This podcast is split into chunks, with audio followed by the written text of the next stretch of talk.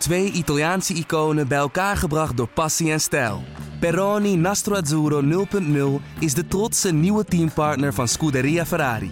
Doe mee met ons en de meest gepassioneerde fans op het circuit, de Tifosi. Samen volgen we het raceseizoen van 2024. Salute, Tifosi!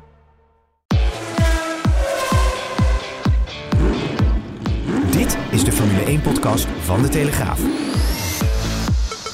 Erik van Haren en Christian Albers praten hierbij over het belangrijkste Formule 1-nieuws. Ja, genoeg om na te bespreken, dacht ik zo, van de eerste race in Bahrein. Uh, ik zit in een hotelkamer hier in uh, Bahrein. Uh, Chris, jij zit ergens op een dubieus industrieterrein, begreep ik. Maar we hebben contact.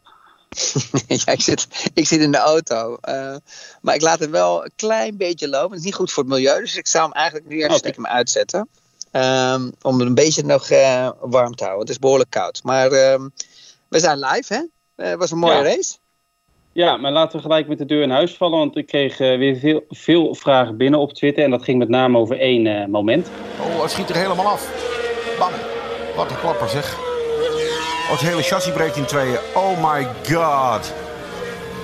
Jezus, wat heeft hij een mazzel, dames en heren. Heb jij nou zo'n crash als met Grosjean? Uh, moet jij dan ook ver terug gaan in je geheugen dat je denkt van dit heb ik heel lang niet gezien?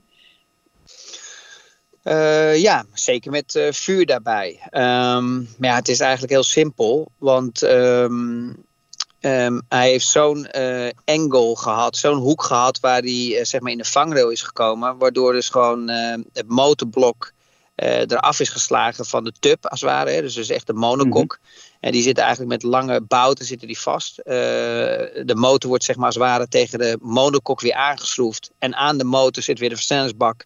En dan heb je eigenlijk de achterwielophanging. Dus het, het bestaat dus uit meerdere gedeelten natuurlijk, Formule 1 auto. En dan, en dan de, de, neus, de, de neus als ware. Die er later wordt aangeschroefd. Um, en je ziet dat hij dus eigenlijk op een bepaalde hoek gewoon afbreekt. Ja, dat heb je gezien. En dan krijg je natuurlijk ook nog eens het geval dat die tank die ontploft. Ja, en waarom ontploft die? Er is altijd natuurlijk een gat. Hoe die tank natuurlijk is een grote zak is dat als het ware. En die moet natuurlijk in die monokok komen. En die monokok is eigenlijk helemaal dicht. Dus je krijgt die brand niet eigenlijk uit die monokok. Je gaat die brand krijgen, die kwam uit de achterkant. Ja. En dan heb je natuurlijk ook nog eens een keer het begin van de race. Ja, dan zit er echt gewoon uh, uh, een volle tank in. Ja, en als je dan uh, als ware de uh, motor afbreekt van, van de monokok, ja, dan zit je dus ook met die bouten. Hè, die kunnen bijvoorbeeld uh, afbreken, maar die kunnen ook bijvoorbeeld door die, door die klep weer heen gaan, die eigenlijk opengeschroefd kan worden, waar eigenlijk de tank als het ware helemaal opgevouwen wordt, erin wordt gedrukt en dan die ontplopt zichzelf als het ware met foam. En daar zit die tank dus in. Maar die tank is eigenlijk helemaal zit die in de monokok uh, ja, helemaal bedekt. Alleen er is natuurlijk altijd één punt. En dat zit achter de motor, waar de motor tegen de monokok aan wordt geschroefd. Daar zit een klep eh, die je open kan schroeven om ja. die tank erin te doen. Dus ja, daar is altijd een moment natuurlijk waar die niet uh, volledig gesield is natuurlijk. Hè. Dat is, ja. en, en, dat, en dat heb je gezien. Dat is op een gegeven moment ook met benzineleiding en al dat soort dingen. Ja, dat heeft gewoon vlam gevat. Ja, nou, laten we blij zijn dat het eigenlijk zelden meer gebeurt. Uh, uh, het was natuurlijk een hele tijd geleden. Veel coureurs van deze generatie hebben we misschien nog nooit gezien. Uh, in ieder geval met dat vuur erbij. Um, als we heel even naar het begin gaan, het moment zelf. Uh, Grosjean die uh, natuurlijk een touché had met Fiat en toen met meer dan 200 kilometer, en ik geloof 53G, de, de vangrail inknalde. Het moment zelf, kon je hem daar iets verwijten of is dat gewoon een race-incident?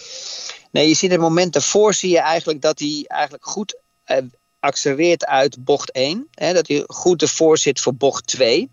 En dat hij op het gas blijft staan. En wat gebeurt er dan? Voor hem hè, is er natuurlijk Norris, zijn voorvleugel zit los. Daar is een ja. beetje een gevecht voor positie. En in één keer strikken er een paar auto's voor hem. En die liften. Ja, dat is net, dat, dan is dat, dat snelheidsverschil is zo groot. Dat als de ene vol op het gas staat en de andere voor je die liften ja, dat je dus eigenlijk een, een, een uitwijkscenario kiest, hè, naar rechts te gaan.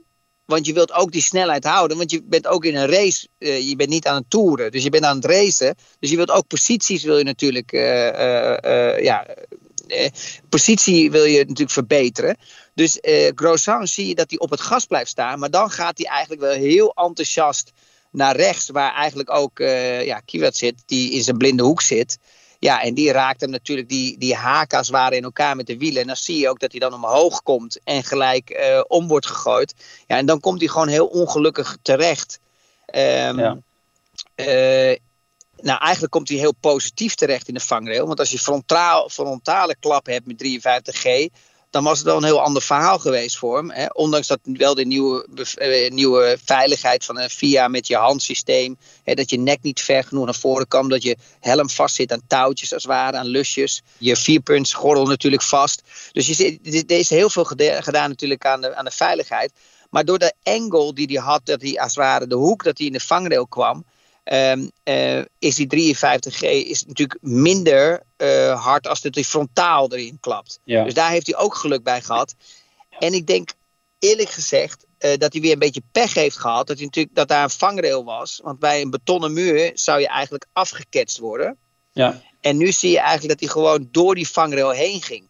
Ja, ja wat, wat je ook zelden ziet, dus daar zou ook onderzoek naar worden gedaan. Dat is ook al aangekondigd hoe dat dan kan gebeuren. Alleen, ik denk dat het, het, het voordeel dat hij ook had, of de, het geluk dat hij ook had, ik denk dat hij zo'n 30 seconden daar vast zat. En je kan natuurlijk ook door die klap, ondanks alle beveiliging, uh, wat verder vast komen te zitten of buiten bewustzijn raken. Hè? Dan, dan ben je veel verder van huis. Want hij was eigenlijk in staat er zelf uit te kruipen. Ja, maar dat was zijn geluk eigenlijk, is dat hij, dat hij vangrail openvouwde. En dat hij mhm. daartussen zat. Maar in het begin, zag je natuurlijk op televisie, dachten ze eigenlijk dat hij tussen de, uh, de, de, de head protection en de vangrail daar tussendoor eruit was gekomen. Later zie je ook in de beelden heel duidelijk dat hij achter de vangrail eruit was gekomen. Ja. Maar de benzine, zeg maar de benzine er zelf brandt niet altijd. Het is meer de dampen hè, natuurlijk, dat je, dat je ziet. Um, maar wat eigenlijk, waar we het niet over hebben, is dat vuur, dat was het minst gevaarlijke eigenlijk. je, je, je overal in je brandvrije kleding, die kunnen dat twee minuten volhouden. Nou heeft hij zijn handen en zijn voeten een beetje verbrand. Waarom? Bij je handen heb je geen brandvrije kleding onder je handschoenen. Dus daar heb je minder protection als de rest van je lichaam. Want je, de, de, je hebt een, onder, eh, zeg maar een soort pyjama onder je, onder je race overal. Hè, die nog een keer dat tegenhoudt. Maar wat eigenlijk, wat iedereen vergeet over te praten, is natuurlijk gewoon die accu's. Als dat fout was gegaan en je raakt de auto aan en er zit kortsluiting, mhm. dan is hij gewoon in één keer dood. Ja. Dat is heel simpel. Ja. Dat gaat zo ongelooflijk hard. En daarvoor zie je ook al die Marshalls tegenwoordig. We gaan allemaal naar dat hybride toe en naar het elektrisch toe. Alleen daar, daar, daar ja, durf ik mijn handen bij, zeg maar, het klinkt heel raar, in het vuur te steken. Hm. Is dat daar in de toekomst wel eens wat fout kan gaan. Omdat we steeds meer naar die batterijen toe gaan. En als daar die kortsluiting in zit, ja, dan, dan, dan heb je echt gewoon een probleem met een menselijk lichaam. Ja, ja, wat die overal betreft is een goed punt. Denk van je, dat is volgens mij vorig jaar ook weer verbeterd. Hè, dat dat nog uh, meer protectie, uh, protectie geeft. Je zei het al, eh, wat je op televisie zag. Ik was dan zelf, ik zit dan in het mediacentrum bij zo'n race. En dan wordt het helemaal stil als iedereen. Want je ziet het natuurlijk gelijk op de achtergrond. Zag je bij het livebeeld al die enorme vlammenzee. Um, en dan duurt het natuurlijk heel lang, wat logisch is. Ze gaan pas beelden laten ze pas zien als ze weten dat de coureur oké is. Um, wat bijvoorbeeld vorig jaar bij Antoine Hubert in de Formule 2 niet gebeurde. Want die, uh, ja, dat was een uh, Franse coureur die overleed. Um, maar nu zijn bijvoorbeeld Ricciardo, uh, die was eigenlijk het felst in zijn kritiek. Die vond het ja, vreselijk eigenlijk dat, dat al die beelden eigenlijk anderhalf uur lang tijdens die rode vlag situatie werden herhaald. kan je hem daarin volgen of denk je van, ja, wees blij dat, dat, dat ze pas doen als, als blijkt dat hij safe is? Ja, maar dat is de tijd van nu, Erik. Ik vind het allemaal nonsens. Eh, kijk, met alle respect. Dus we hebben de echte fans die naar Formule 1 kijken. En die dus eh, echt ook erin verdiepen met pitstops en ook meer van weten. En dan heb je ook gewoon nog de, de, de, groep die op de bank zit om te wachten tot er een crash is. Dat is ook Formule 1. Hè? Die willen zien dat, uh, dat, uh, dat er bij de start een crash is. Die willen sensatie zien. Die willen inhaalacties zien, dat mensen in elkaar komen. Uh, ga zo maar door. Kijk, en dan gaat Ricciardo, Ricciardo gaat zeggen: Ja, ik vind dat respectloos. Ten eerste gaat de FIA of de FOM nooit beelden laten zien als het, je hebt ook gezien dat hoe lang het ook duurde voordat ze iets lieten zien. En dat hebben ze alleen laten zien toen ze wisten dat Grosjean gewoon kon lopen en naar, en naar de ziekenwagen ging. En dat geeft ook wel een fijn gevoel. Weet je, je hebt twee momenten. Je hebt één moment natuurlijk, zijn familie zit thuis te kijken.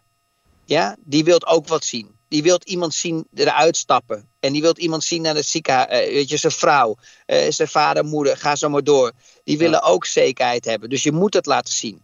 Uh, er is een moment geweest dat het veel te lang duurde om iets te laten zien. Kan je je voorstellen hoe lang zijn vrouw zich ongelukkig heeft gevoeld of, of weet je, bezorgd? dus, ja, weet je, met alle respect, ik vind het echt nonsens wat Ricardo heeft gezegd. dit is Formule 1 hier, word je, hier krijg je een mega salaris voor. Hier krijg je voor betaald, omdat je een gevaarlijke sport doet. Daarvoor zijn de salarissen ook hoog. En dit is het risico wat erbij komt staan. En natuurlijk, hè, als er nou een beeld zou zijn dat iemand overleden zou zijn en je zou het zien, het, het lichaam, dat soort dingen, dat kan echt absoluut niet. Maar de FAM weet echt wel precies wanneer ze wel iets uit kunnen zenden en niet. En dat hebben we gezien, want de eerste drie, vier, vijf, zes minuten of tien minuten hebben we helemaal geen beeld gezien. Alleen van afstand en verder is niks. Later is zijn pas die beelden vrijgegeven dat hij eruit springt. Hè? En dan heb je ook nog geluk daarbij dat die eerste ronde, dat zo'n medical car altijd het veld volgt, die eerste mhm. ronde. Hè? En dat ze dus ook de, eh, de, ja, erbij konden springen om te helpen.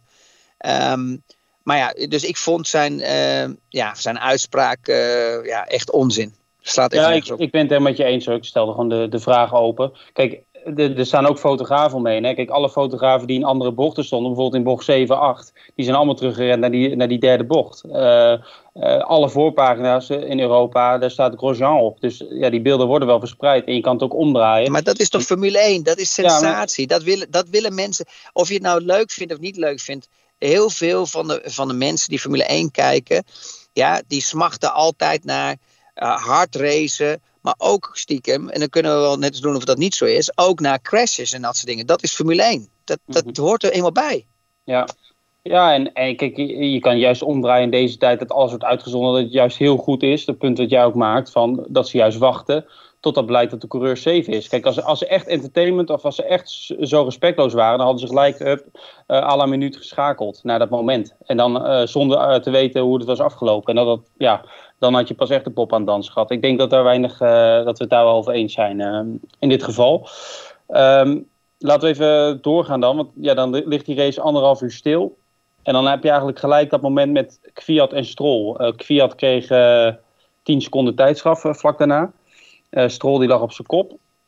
Terecht die straf? Nou ja, Kiewat is een beetje te enthousiast soms in de race. Dat van Grosjean is hij compleet vrijgesproken. Ik vond dat hij daar geen fout... Grosjean kwam zo snel van de linkerkant naar de rechterkant... dat hij nog niet eens een mogelijkheid had om, om te ontwijken. Laat staan te remmen. Um, Grosjean was heel eager om op het gas te blijven staan. En je ziet dat de rest voor hem ging liften. Ja, de volgende actie met Stroll hij zat er dicht achter. We hebben dat moment ook al een keer besproken met Max Verstappen en met Perez. Je krijgt niet vaak de opportunity om echt aan te kunnen sluiten en om naast te kunnen zetten. Hij probeerde dat af te dwingen en dat is niet gelukt. Stroll heeft hem dichtgegooid. Ik vind het gewoon een race-incident. Maar als je dan gaat kijken hoeveel die ook weer naar binnen ging. Hè, dat hij dus helemaal de pilon aan de, aan de, aan de apex, hè, gewoon midcorner ja. weg heeft gereden ja, dan weet je zelf ook wel dat er een keer een moment komt dat je moet gaan liften. Dus ja, weet je, ik vind het is een beetje te nadelen naar Kivat. Maar ik vind ook dat we te vaak al die straffen gaan geven voor race-incidents. Eh, eh, ja, misschien was het nu omdat Stroll uh, uit de wedstrijd lag. Ik weet het niet. Want kijk, Stroll hield, hield zijn racelijn. Was het, uh, stond in, het, in de uitslag zeg maar, van het rapport van de stewards. Alleen ja, de manier waarop hij instuurt, ja. ja, maar als, als elke Formule 1-coureur zijn racelijn houdt, Erik je kan geen één andere coureur meer inhalen. Nee. Dat zou oneerlijk zijn. Soms lijkt het en dat, is het probleem, dat is het probleem wat ik heb met de FIA. Is dat ze gewoon ja, van links naar rechts over alle kanten uitschieten. Het is net een flipperkast. Ja, qua uh, beslissingen die ze maken met straffen. En weet je, de, de, hardcore racen, daarvoor zijn mensen die thuis blijven en televisie kijken om een Formule 1 race te, te, zien om in te kunnen halen. En dat is in de jaren al beter geworden met DRS. Want vroeger, en ze zeggen allemaal het is zo saai. Nou, volgens mij hebben we het mooiste seizoen tot nu toe hebben gehad. Met over inhalen, met de banden in de regen rijden, geen temperatuur krijgen. Dat het eh, zeg maar allemaal door elkaar gerusteld werd. Dus op dat opzicht... Die wint. Ja, het is, het is het mooiste seizoen voor, voor mij, uh, opinie. Wat er gebeurt qua acties. En dan vinden mensen het nog steeds te saai. Dus moet je nagaan als we teruggaan 20 jaar in de tijd Ja, daar was het ook gewoon altijd een optocht. En er werd ook bijna nooit ingehaald. Dus dat DRS en al dat dingen heeft wel veel ermee geholpen dat je, hè, dat je ja, wat sensatie krijgt. Ja, duidelijk. Ik kreeg nog even, even snel tussendoor, hè? even snel blokje. Ik kreeg nog een paar vragen over Bottas. De eerste vraag was, ehm, bij een van zijn stops was duidelijk te zien dat hij, daar werd rechtsvoor niet gewisseld. Uh, zijn rechtervoorband, die hielden ze, um, ze wisselden alleen die andere drie. Op de vraag of dat mag, nou, volgens mij mag dat gewoon als ze van dezelfde kleur zijn. Uh, ja. Zeg maar de bands dezelfde banden zijn, dat klopt toch? Ja. Ja, dan hebben we dat uh, afgekaart. En nog een Soms andere vraag. doen ze dat wel eens. Soms doen ze ja. dat wel eens omdat je een, bepaalde momentum hebt van een afkoelingprocedure. He, dus die band, je komt binnen. Ja, en of bijvoorbeeld links. Hè, dus stel nou voor dat ze. Uh, welke, uh, volgens mij hadden ze rechts laten zitten of links. Volgens mij rechts. rechts. Ja, rechts. Ja, ja. ja. Dat, ze, dat je eigenlijk dezelfde slijtage krijgt. Omdat natuurlijk links dan veel sneller sli, slijtage hebt dan rechts.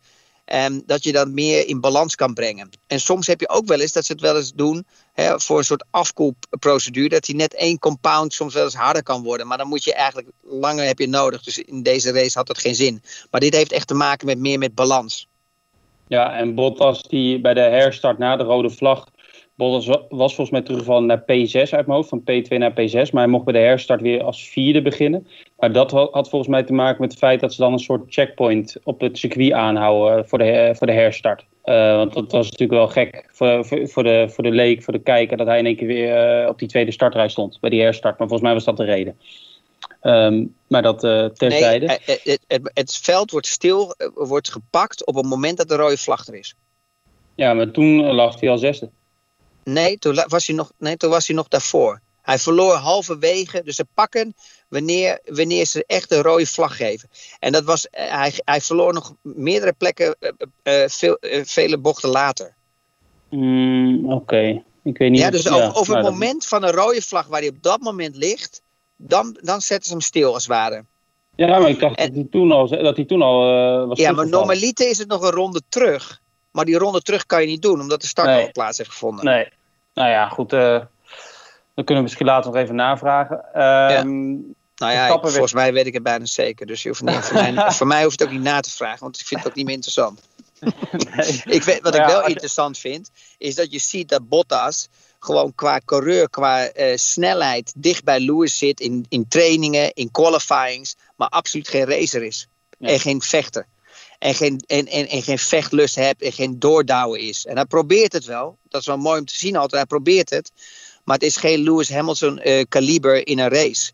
En daar zie je dat mooie van verschil qua talenten met coureurs.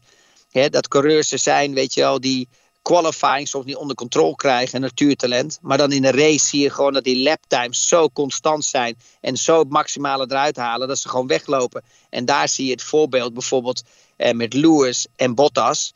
Alleen, en dan zie je, het uh, zie je ook uh, uh, nog een keer het voorbeeld van Max Verstappen en Albon. Het enige verschil is dat Bottas qua rondetijd over één, één ronde dichter bij Lewis staat als Albon bij Max. Ja, ja. Over Albon gesproken, zijn tweede podium van het jaar. had hij natuurlijk eigenlijk te danken aan, aan de geplofte motor bij Perez, die op weg was naar zijn tweede podium op rij. Um, ik weet niet hoe jij ernaar kijkt, maar ik, ik merk toch wel bij uh, Max Verstappen, uh, als ik hem wel spreek of als je de dingen die je hoort, dat hij toch een beetje, de laatste tijd is het een beetje radiostilte. Red Bull zegt, we gaan pas na Abu Dhabi de laatste race beslissen over volgend jaar wie zijn teamgenoot wordt. Maar ja, dat, dat, dat beschermende gedoe naar buiten uit, ik weet niet hoe ze intern natuurlijk erover praten, maar dat wekt een beetje irritatie ook bij hem. Uh, want ze zei natuurlijk zaterdag, uh, nou mooi dat Alex op P4 staat. Nou ja, dat, dat was natuurlijk ook zo samen met Max de tweede startrij. Maar hij was wel zestiende langzamer uit mijn hoofd. Ja, in de race was hij ook, zat hij er ook weer 40 seconden achter of zo. Dus vind je dat ze hem te veel de hand boven het hoofd houden? Of vind je ook dat hij het goed gedaan heeft dit weekend? Nou ja, als eerste heeft Albon die derde plek te pakken. Die pakt niemand meer af. Hè? Dus over een nee. half jaar of een jaar weten we natuurlijk niet meer dat hij gewoon uh, snelheid tekort komt. Maar is hij gewoon ja. derde geworden in een Grand Prix. In de boeken. Dat is zelfs ja. als bij mij natuurlijk in Amerika. Dat als ik punten score, die pakken ze niet meer af. Hè? En dat, ja, maar dat weten we allemaal nog wel hoe dat kwam. Dat ja, maar heel veel mensen, maar ook heel veel niet. En, en maar oh. ook die opportunities krijg je maar één keer. Dus je moet de kansen ook pakken hè, als, je ze, als, ze, ja, als ze komen. Ja. Ik bedoel, hij kan er ook weer afvliegen. Dus op zich, qua prestaties, was hij wel constant. Maar het probleem is, hij is constant op een te lagere snelheid. Hij komt gewoon veel, veel te kort bij Max. Ja. En eh, ja, natuurlijk wordt hij dan derde. Ik bedoel, ja, als alle auto's daartussen uitvallen. Kijk, als, eh, ik bedoel, het gat van, uh, van Red Bull naar het volgende team, bijvoorbeeld een McLaren of wat dan ook, die is in rondetijd zo groot. Dat, ja, dat Albon hier de luxe heeft gehad om een 16e langzamer te zijn dan Max. En dan toch nog op de vierde startrij te staan. Dat kan ook. Ja. Ja, ja, dus, dus ja, sorry op de tweede, maar het is vierde plek, sorry. Ja. Ja. Um, maar daar komen natuurlijk ook weer races bij straks. Uh, dat het niet kan. Hè? En dat hij niet die luxe heeft. Um, ja, wat ik wel uh, ja, merkwaardig vond van Max. Is dat hij, Max zich nu daarmee gaat bemoeien. Um,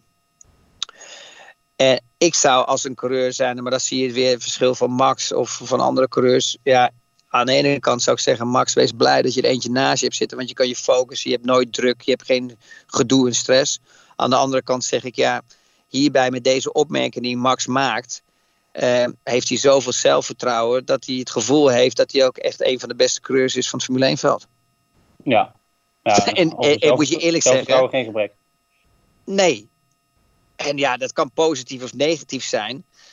Ik zou altijd aan de binnenkant denken van, nou ja, het is wel fijn om er eentje te hebben. Dat je, maakt niet uit hoe je je ronde afmaakt, maar je staat ervoor. Dat is ook wel een lekker gevoel. En het geeft ook een bepaalde rust, dat je ook de maximale performance eruit kan halen. Het kan ook zijn dat als Max straks volgend jaar een Perez naast zich heeft en, en een paar momentums heeft, dat hij erbij kan staan of net ervoor. dat je ook nog eens even die kleine mentale uh, slag kan slaan. Hè? Dat iemand een, zich over gaat drijven en gaat forceren. Dat hebben we ook wel eens gezien met uh, Ricardo. Ook al was hij aan de betere hand. Maar je zag daar ook bepaalde momenten hè, in het begin van het seizoen.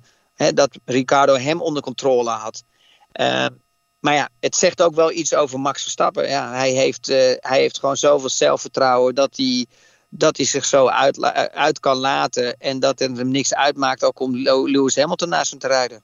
Ja, laten we wel wezen, dit was race 15 van het seizoen. Het is de eerste keer dat hij zoiets zegt. Uh, hij, hij, feliciteerde Alex uh, na de finish ook eerst over de boordradio met zijn derde plek. En, ja, en hij kreeg de vraag volgens mij van, uh, nou Alex, goed gedaan. Ja, dan, dan flapt dat er wel eens uit. Dat, dat kan natuurlijk gebeuren. Verstappen maar dat is ook, normaal. Maar ik bedoel, dat is natuurlijk ook met journalisten. Ze hebben natuurlijk de goede vraag gesteld. Hè, van, is het goed van hem? Nou ja, hij heeft daar ook gelijk in. Het is niet goed. Ik bedoel, hij eindigt 40 seconden achter Max. Hij heeft gewoon zijn pace gewoon compleet niet voor elkaar. En als jij gewoon niet te dichtbij zit bij elkaar, dan eigenlijk is hij een zero voor Max.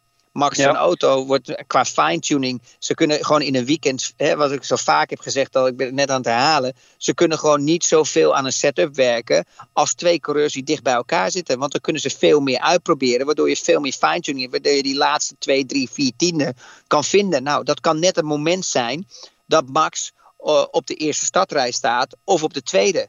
Kijk, en dat weten we niet. Kijk, voor hetzelfde geval, hetzelfde geval had hij uh, Ricciardo nog naast hem gehad. Ja, en kon hij dus wel af en toe zoveel die auto beter ontwikkelen. Dat hij wel af en toe uh, Bottas kon verslaan op die tweede startrij. Ja, dan sta je naast Lewis Hamilton. Als je dat 2, 3, 4, 5 races hebt. En je hebt in die 2, 3, 4, 5 races één keer of twee keer een goede start. En je kan dat controleren en je hebt een, een, een, een, tweede coureur die goed is, ja, dan kan je pitstops forceren, strategies forceren, waardoor je dus eh, een overwinning kan gaan pakken. Ja, dat, dat, hij moet nu alles in zijn eentje doen. Alles. Ja. Um, over goede vragen van journalisten gesproken. Verstappen was ook erg uitgesproken over de strategie van, uh, van Red Bull, zijn team. Die vond hij uh, niet agressief genoeg. Hij noemde het te conservatief. Snapte je dat hij daar een punt had? Of dacht je van, uh, had Hamilton sowieso... Hij zei ook erbij, uh, ik denk niet dat ik Hamilton anders wel had verslagen, maar hij, hij baalde daar een beetje van. Had hij een punt, vond je? Ja, hij wou eigenlijk forceren dat uh, Hamilton op die tweede set ging. Ja. Um, sneller. Waardoor, omdat hij meer vertrouwen had en hun rondetijden, of de rondetijden van Max waren beter. Die waren veel dichterbij bij Lewis Hamilton met de witte band.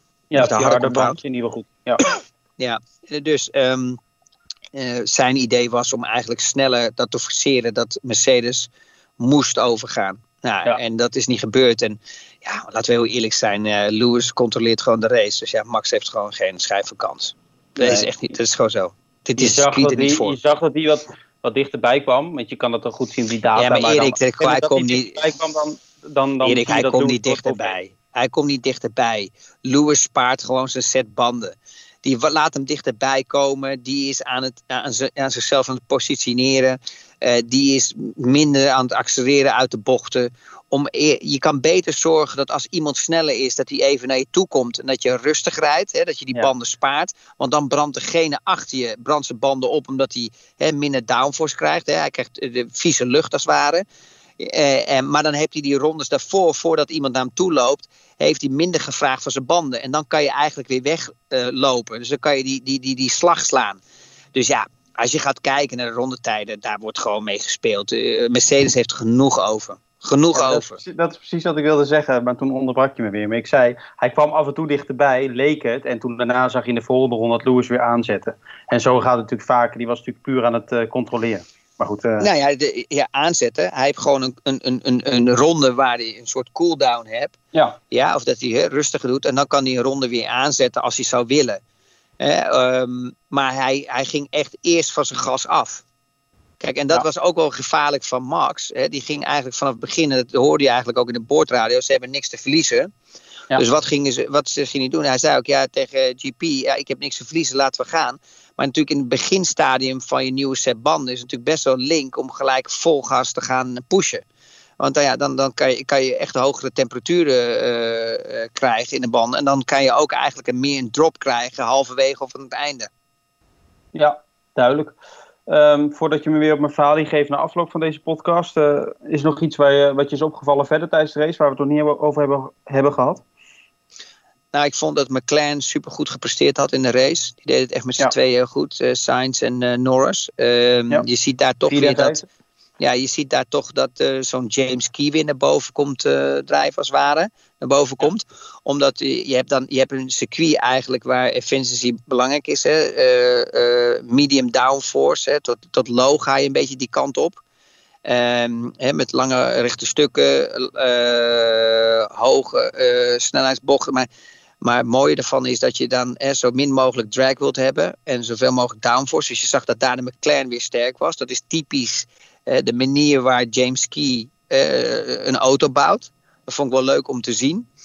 Um, om terug te komen, ik was eigenlijk, ehm, eigenlijk verrast met de crash met, uh, met, met Grosjean. Dat gewoon die battery pack hè, gewoon los lag op de straat. Hè, dat daar eigenlijk niks uh, wordt gecreëerd van de FIA. Om dat gelijk in een soort uh, box te kunnen doen. Hè, dat niemand een, een, een schok kan krijgen. Hè, een elektrische schok. Want dan heb je echt een serieus probleem. Je ziet ook wel Marshall staan met van die speciale handschoenen. En um, dat ze dus in principe hè, die box kunnen oppakken. Maar daar vind ik dat ze daar wel nog iets op moeten verzinnen. Um, en verder is ja, de, degene die echt gefaald heeft in zo'n weekend voor mij is, is Bottas. Uh, uh, die heeft echt gewoon laten zien dat, hij, dat, hij, ja, dat het gewoon in de race, het gewoon, ja, weet je, hoe, hoe, you know, weet je, het is gewoon twee starts verkloten. Niet eentje, maar gewoon twee. Gewoon, ja. ik bedoel, hoe krijg je het voor elkaar? Je krijgt gewoon nog een keer, nog een keer een herkansing. Ik bedoel, hoe mooi kan je het hebben? En dan toch gaat het weer fout. Ja, ja, en uh, nog even over. Er is gisteren ook een vraag over gesteld op de persconferentie. Ik, ik, ben wel benieuwd hoe jij daar als coureur nou naar kijkt. Zo'n Grosjean um, was natuurlijk eigenlijk al bezig aan zijn afscheidstournee, want hij moet na dit jaar weg bij Haas. Denk je dat hij dan nu nog denkt van. Hoe zit, hoe zit je dan, als je een beetje in zijn hoofd kijkt, als, als oud-coureur zijnde? Denk je van, ik wil zo snel mogelijk weer instappen. Komend weekend rijdt hij niet, wordt hij vervangen door Pietro Fittipaldi. Maar dat hij dan bijvoorbeeld, stel dat hij Abu Dhabi gaat rijden, dat hij, dat, dat hij alles op alles zet om dat nog te rijden. Of dat hij misschien denkt van, ik ben er wel even klaar mee.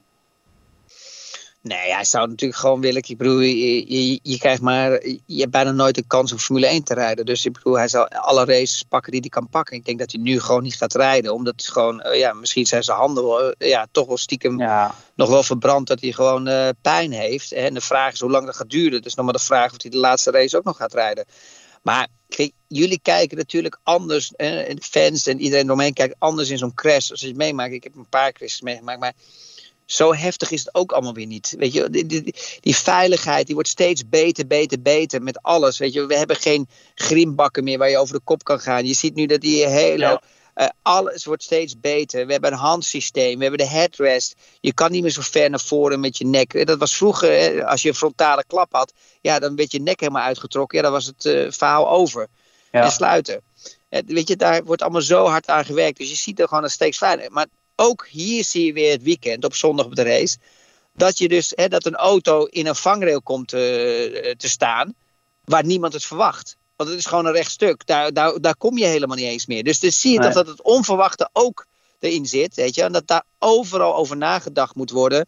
Eh, hoe, je alles kan voorkomen. En dan zie je dat die circuits ook steeds beter worden. En steeds veiliger worden. En de auto's ook. Ja. Maar de klap op, zelf, eh, klap op zichzelf, ja, weet je, dat vergeet je gewoon snel als coureur. Je bent daar gewoon niet bang voor. Dat zit gewoon niet in, in ons systeem. Nee, nee de, de, de dokter en de coureur van, of de, de bestuurder van de medical car, die kwamen gisteren ook nog even naar de ingang van het mediacentrum om een verhaal te doen. Dat is wel interessant om te horen, al die protocollen die ze doorlopen. En eigenlijk wat jij zegt, dat zei Lewis Hamilton en Max Verstappen ook. Hamilton zei, ja, wij zijn gewend om op de limiet te rijden. En het is nu misschien voor heel veel mensen eh, een herinnering hoe gevaarlijk deze sport is. En Max die zei zelfs van, uh, op een vraag van, uh, ja, zou nu een coureur misschien niet meer willen rijden of bang zijn om te rijden? Zei hij nou, als, als een coureur nu bang is om te rijden, dan zou ik hem als teambaas uit het stoeltje trappen. Um, ja, het hoort natuurlijk ook bij die, bij die sport, hoewel het steeds veiliger wordt. Het, hoort, het blijft op de loer liggen, dat, dat gevaar, toch? Ja, maar ja, dat klopt. Maar eh, je komt dan automatisch terug natuurlijk dat de wereld overgevoelig wordt. Ja. Je kan nooit meer wat zeggen, je kan nooit meer iets doen. Uh, over, dat zie je nu aan Ricardo ook. Ja, sorry met alle respect. Ik vind Ricardo echt een leuke coureur. Hij is enthousiast, hij lacht altijd, is altijd vrolijk. Maar hier maakt hij voor mij, voor mijn opinie, echt een fout. Omdat Formule 1, ik bedoel, ja, luister hij krijgt 22 miljoen euro, 20 miljoen euro betaald per jaar. Eh, hij krijgt het niet om, om te prikken, niet om de boel schoon te maken. Of niet om eh, op, op, achter, een, achter een bureau te zitten. En ook niet als, telegraaf, en ook niet als telegraafjournalist. Correct of niet? dus ja, je weet, je weet dat het risico is. En je weet dat de Formule 1, je weet je wel, dat het een hype moet zijn. Dat er iets moet gebeuren, dat er naar gekeken wordt. Dat zorgt ervoor dat de teams weer inkomsten krijgen van de FOM. En die teams die dat geld weer krijgen, dat komt weer direct of indirect ook terug naar in zijn salaris. Weet je, kijk, en dan ga je zeggen, ja, dit kan niet en dat kan niet en zus. Ja, weet je, dan kunnen we beter ophouden. Dat is Formule 1. Ik ben het helemaal met je eens. We gaan ons uh, voorbereiden op uh, Bahrein 2 waar de buitenste lijn van het circuit wordt gebruikt. Heb je daar enige verwachting bij of zeg je van uh, we moeten maar zien hoe het gaat? Uh, nee, ik moet echt kijken hoe dat gaat. Want ik heb, het, ik heb het alleen vroeger toen ik daar race, heb ik het zien liggen. Hè? Dus die mhm. buitenste lijnen en ook aan de binnenkant. Dus ze hebben hè, meerdere opties om het circuit als het ware te kunnen gebruiken. Hè? Dus ook voor, voor uh, kleinere circuits, weet je, voor testen in plaats van een grote circuit te gebruiken. En ook lange rechte stukken voor drag races, dat soort dingen. Dus ja, ik moet het echt gaan zien hoe het gaat worden. Maar het gaat natuurlijk een ja, moeilijke dobbel worden voor, voor Max. Ja. dus de auto's die goed zullen gaan presteren, zou gewoon natuurlijk Mercedes zijn of Racing Point. Ja, dat denk ik ook. Volgende week uh, laten we dan maar weer op deze manier proberen op te nemen. Ik weet niet of je dan weer bij een industrieterrein staat of ergens bij een carpoolplek of zo. Maar goed, dat gaan we dan, uh, gaan we dan wel weer zien. Maar we praten uh, eigenlijk alleen maar over mij. Maar waar zit jij eigenlijk? Ik zit nu in een hotelkamer. Ik heb net... Uh, in die suite van, uh, die de Telegraaf betaalt, toch? Niet, net een penthouse bovenin. Ik heb net een workout gedaan. Ik dacht dat jij uh, al... Oh, je workout met je privé trainen. hey, work, workout. nee, ik heb net al... ik heb net al lekker met... bij mij vroeg om 7 uur klop op de, op de deur. Hi Chris! Ja, gaan we even op warming up doen. Daarom heb ik dit hotel gekozen naar jouw Goh, wat ben ik daar blij om. Zeg dat ik dat niet meer heb, zeg. Oh. Wat ah, moest ik allemaal zo hard trainen vroeger. Ja, maar andere dingen die uh, krijgen er misschien nu weer voor terug. Ik weet dat je vrouw luistert, dus ik zal maar uh, voorzichtig zijn. Uh, en ik ga me nu ook voorbereiden. Op, morgen is er een kartwedstrijd bij het, bij het circuit. Er ligt een mooie kartbaan, dus daar moet ik me ook optimaal voor prepareren. Ik weet niet of je nog tips hebt wat dat betreft van mij. Ja, maar dat doe ik privé, want dat is niet goed voor de luisteraars. Want ik heb van die hele gemene trucjes. Een hele gemene, maar dan ga je wel winnen. Oké, ja, en de tweede, er zijn twee races. De tweede race is reverse grid, dus dan kan ik altijd nog op pol komen te staan. Maar, uh, nee, dat, dat uh, komt goed, joh. Ik ga je wel even helpen. Ja, en um, bedankt voor jouw tijd. Bedankt ook voor het luisteren. En nogmaals, eh, wat ik twee weken geleden ook al zei. We vinden het heel leuk als jullie reacties achterlaten. We krijgen nog steeds heel veel positieve reacties binnen. Ik wil wel even meegeven, niet te positief over Christian, want die begint een beetje naar zijn schoenen te lopen. Maar, nee, ik ben het helemaal niet gewend. Ik was altijd, zo, ik was altijd arrogant en, en kwalbus en al dat dingen. nou, wat, ik, wat ik nog even wou zeggen, um, en dit, hier heb je altijd zo'n hekel aan. Um, ja de starts. Ehm, ik weet niet of je gezien hebt met de inboordcamera's natuurlijk. En we hadden natuurlijk het akkefietje met uh, uh, Vettel en uh, met Leclerc. Ik vond dat Vettel daar wel weer een beetje aan het huilen was, om heel eerlijk te zijn. Mm-hmm. Je moet zeg maar zo zien dat natuurlijk als de eerste auto aankomt bij de eerste bocht, hè, die gaat remmen. De tweede auto gaat ook remmen. De derde en de vierde die moeten al iets eerder remmen. De vijfde, zesde gaat nog iets eerder remmen.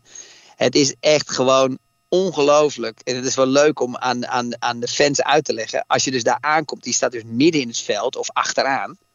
Ja. Dat is echt gewoon een drama dramatisch. Want je remt en op een gegeven moment rem je te hard. Dus moet je gas bijgeven. Dat zag je dus ook bijvoorbeeld in onboard bij, bij Gasly. Ik weet niet of je het ziet, maar hij moet hem heel lang uit laten rollen. Dus het moment van eigenlijk dat je aankomt, dat je gewend bent op het allerlaatste moment te remmen dat er uh, geen moment is tussen gas en rem. Dus je remt hem helemaal de bocht in en dan ga je op het gas. Krijg je bij zo'n start als het ware een kettingreactie. Uh, dus een, een soort file.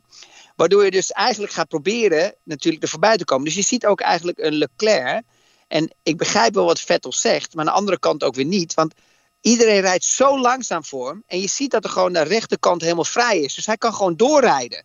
Ja, en iedereen pakt natuurlijk zo'n opportunity. Dat zie je bij Guesty weer precies aan de andere kant, aan de linkerkant van de baan. Dat hij eigenlijk ook gewoon iedereen voorbij kan passeren. Omdat de auto's daarvoor, die kunnen geen kant op. Dus je kan kiezen of je gaat er overheen. Ja, wat geen optie mhm. is. Want dan wordt het een rommeltje. Of je kiest links of rechts. De buitenkanten. En dat is eigenlijk wel grappig om altijd te zien. Het is heel frustrerend bij een start. De eerste 4, 5, 6, 7, 8 auto's dat is leuk, hè? dan ben je echt met de start bezig. Mhm. Maar dan achteraan ben je eigenlijk bezig om een plek te zoeken waar je kan passeren. Want die auto's voor je die vertragen zo gigantisch dat je eigenlijk bijna stationair achteraan hobbelt. ja. Ja, maar dat is, als je er terug gaat kijken naar de, naar, de, naar, de, naar de tweede start ook, dan zie je dat Leclerc gewoon eigenlijk rechts voor beide kan laten lopen en gewoon rustig erin kan laten uh, remmen. Omdat Vettel natuurlijk ook dat gat open houdt, maar omdat de rest voor hem ook niet doorrijdt. En je ziet bij Gasly precies hetzelfde aan de linkerkant. Je ziet gewoon dat hij gewoon, dat het momentum van hard remmen er helemaal niet is, dat hij gas bij moet geven. Ja, ja. Nee, het is wel leuk om, om soms af en toe te zeggen. Weet je? Mensen denken allemaal dat ze achteraan misschien net zo hard moeten remmen om de, omdat ze die snelheid kunnen houden. Maar eigenlijk ja, moeten ze gewoon, is het heel frustrerend. Want je kan niet laten remmen, want er is geen ruimte. Je kan er niet links, je kan er niet rechts voorbij. Het, zit, het is een soort file. Ja, en je, en je moet gewoon veel eerder van het gas af. Dus het is best wel een frustrerend uh, gevoel. Dus ja, dan kan je best voorstellen dat zo'n Grosjean natuurlijk uit bocht 1 eruit komt ja, een aanloop neemt op het rechte, uh, rechte stuk. En dan heb je natuurlijk een paar hè, die zien vonken, die denken, oh, ze raken elkaar en ze liften. Ja, als dan een Formule 1 auto lift, dan de andere auto die daarachter rijdt, die vol gas rijdt, daar is zo groot uh, snelheidsverschil, dat is ongelooflijk. Dus daarvoor zie je ook dat hij trekt aan het stuur om er rechts voorbij te, te, te, te gaan. Ja. ja. Nou, dat was hem Erik. Ja, een leuke uitsmijter. Ik uh, ben blij dat uh, elke keer dat als ik... Maar de volgende keer weer wel wat meer technische vragen weer. Want we praten alleen maar over coureurs die lopen te janken en te piepen over gevaarlijk en weet ik het allemaal weer. Ja. En je moet ook een beetje kijken wat er leeft bij de mensen. Je maakt ook een podcast niet alleen voor de familie Albers. maar is toch leuk? Een beetje technische vragen. Ja, nee, ja. Dus kom op, op. Maar we gaan volgende week uh, gaan we weer vlammen. Dus bedankt voor het luisteren. En Chris, we spreken elkaar volgende week weer. Super, dankjewel. Succes daar in hè? Meer podcasts luisteren? Probeer dan ook eens de voetbalpodcast Kick-Off van De Telegraaf. Met chef voetbal Valentijn Driessen altijd met een scherpe mening. Ja, ik vind vooral Jurgensen en de medische staf. Als uh, Nagel verkeerd uh, staat, dan uh, haakt hij al af. Ik begrijp advocaat heel goed. Die wordt er gewoon knettergek van. Met Ajax-volger Mike Verwij altijd met het laatste nieuws. Zondagavond konden we melden dat er een mondeling akkoord was tussen de clubs. Tussen Donny van der Beek en, en Manchester. En ikzelf, Pim CD, probeer het allemaal in goede banen te leiden. Wat zit hier normaal, joh. Nee, ik, ik, moet hier nog met gedachten... Ik moet het voor de luisteraars vragen. Hè? Elke vrijdagavond in uw favoriete podcastplayer... en natuurlijk op de site en app van De Telegraaf.